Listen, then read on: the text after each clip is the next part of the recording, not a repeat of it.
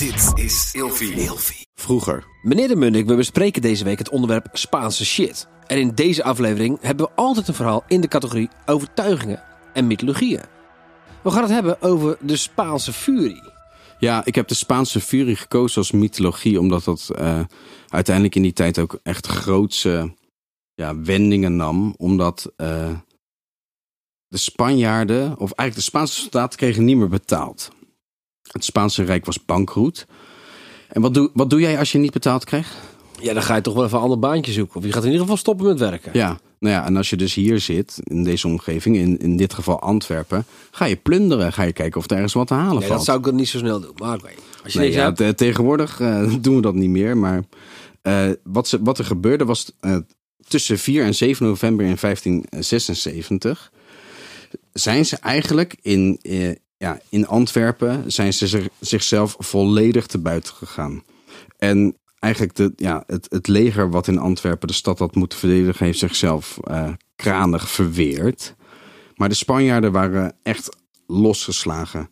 De vrouwen werden verkracht, de mannen werden het hoofd ingeslagen. Er zijn verhalen dat zeg maar, de, de honden op straat het bloed van de, van de lijken aan het drinken waren. is toch weer een raar verhaal. Ja, joh, je- Hoezo gaan mensen dit doen omdat ze geen geld krijgen? Ik denk dat er ook in die tijd misschien een mensenleven niet heel veel waard was. Misschien is dat het. Maar je zegt het is ook een beetje mythe. Dus het verhaal is eigenlijk groter gemaakt dan dat het eigenlijk was. Ja. Dus misschien dronken de honden niet echt. Nee, ja, weet je, het wordt, natuurlijk wordt het groter gemaakt door de mensen die erbij waren. En die willen natuurlijk een soort van eh, eh, ja, dik verhaal ervan maken van wat er is gebeurd. Maar er is wel, wel degelijk gewoon echt iets, ja, iets vreselijks gebeurd.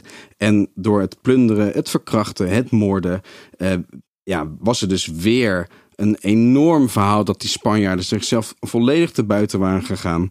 Ze hadden zichzelf zwaar misdragen. Oh, dit Eh, zijn Spanjaarden. ja, dit zijn Spanjaarden. Die dat deden in- Ja, ja, in Antwerpen. Spanjaarden in Antwerpen. En het verhaal gaat zelfs dat ze zoveel goud hadden gejat. Sommige Spaanse soldaten. Dat ze daarna zeg maar, een wapenuitrusting daarvan lieten gieten. En dat zwart lieten schilderen. Zodat je niet zag dat het goud was. Want ja, weet je, je moet je voorstellen, jij bent Spanjaard en je bent hier in Nederland gelegerd. En je plundert hier jezelf helemaal suf en je hebt heel veel ja, buit. Dat kan je alleen maar op je lichaam dragen.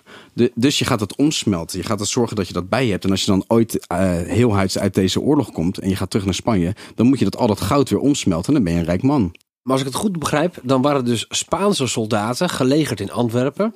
Die kregen geen salaris meer. En toen dachten ze, fuck it, we gaan de boel maar plunderen. Nee, nee, ze, ze waren in de buurt van Antwerpen. Hè. Antwerpen was toen nog in, in, in, eh, in handen van het Nederlands, eh, van het Nederlandse eh, ja, verzet, om het zo maar te zeggen. En ze hebben Antwerpen belegerd en, en de verdedigers verloren. En daarna hebben ze dus heel die stad leeggeplunderd en heel de boel kort en klein geslagen. En zichzelf volledig verrijkt aan alles wat daar maar te halen viel. En hoe is dit nou gestopt dan? Nou, uiteindelijk, ja, ze wonnen. Dus, eh, d- weet je, het, het was voorbij.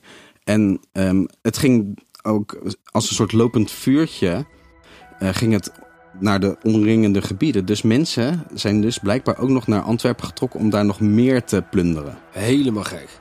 De Spaanse furie. Fijn weekend. Vroeger.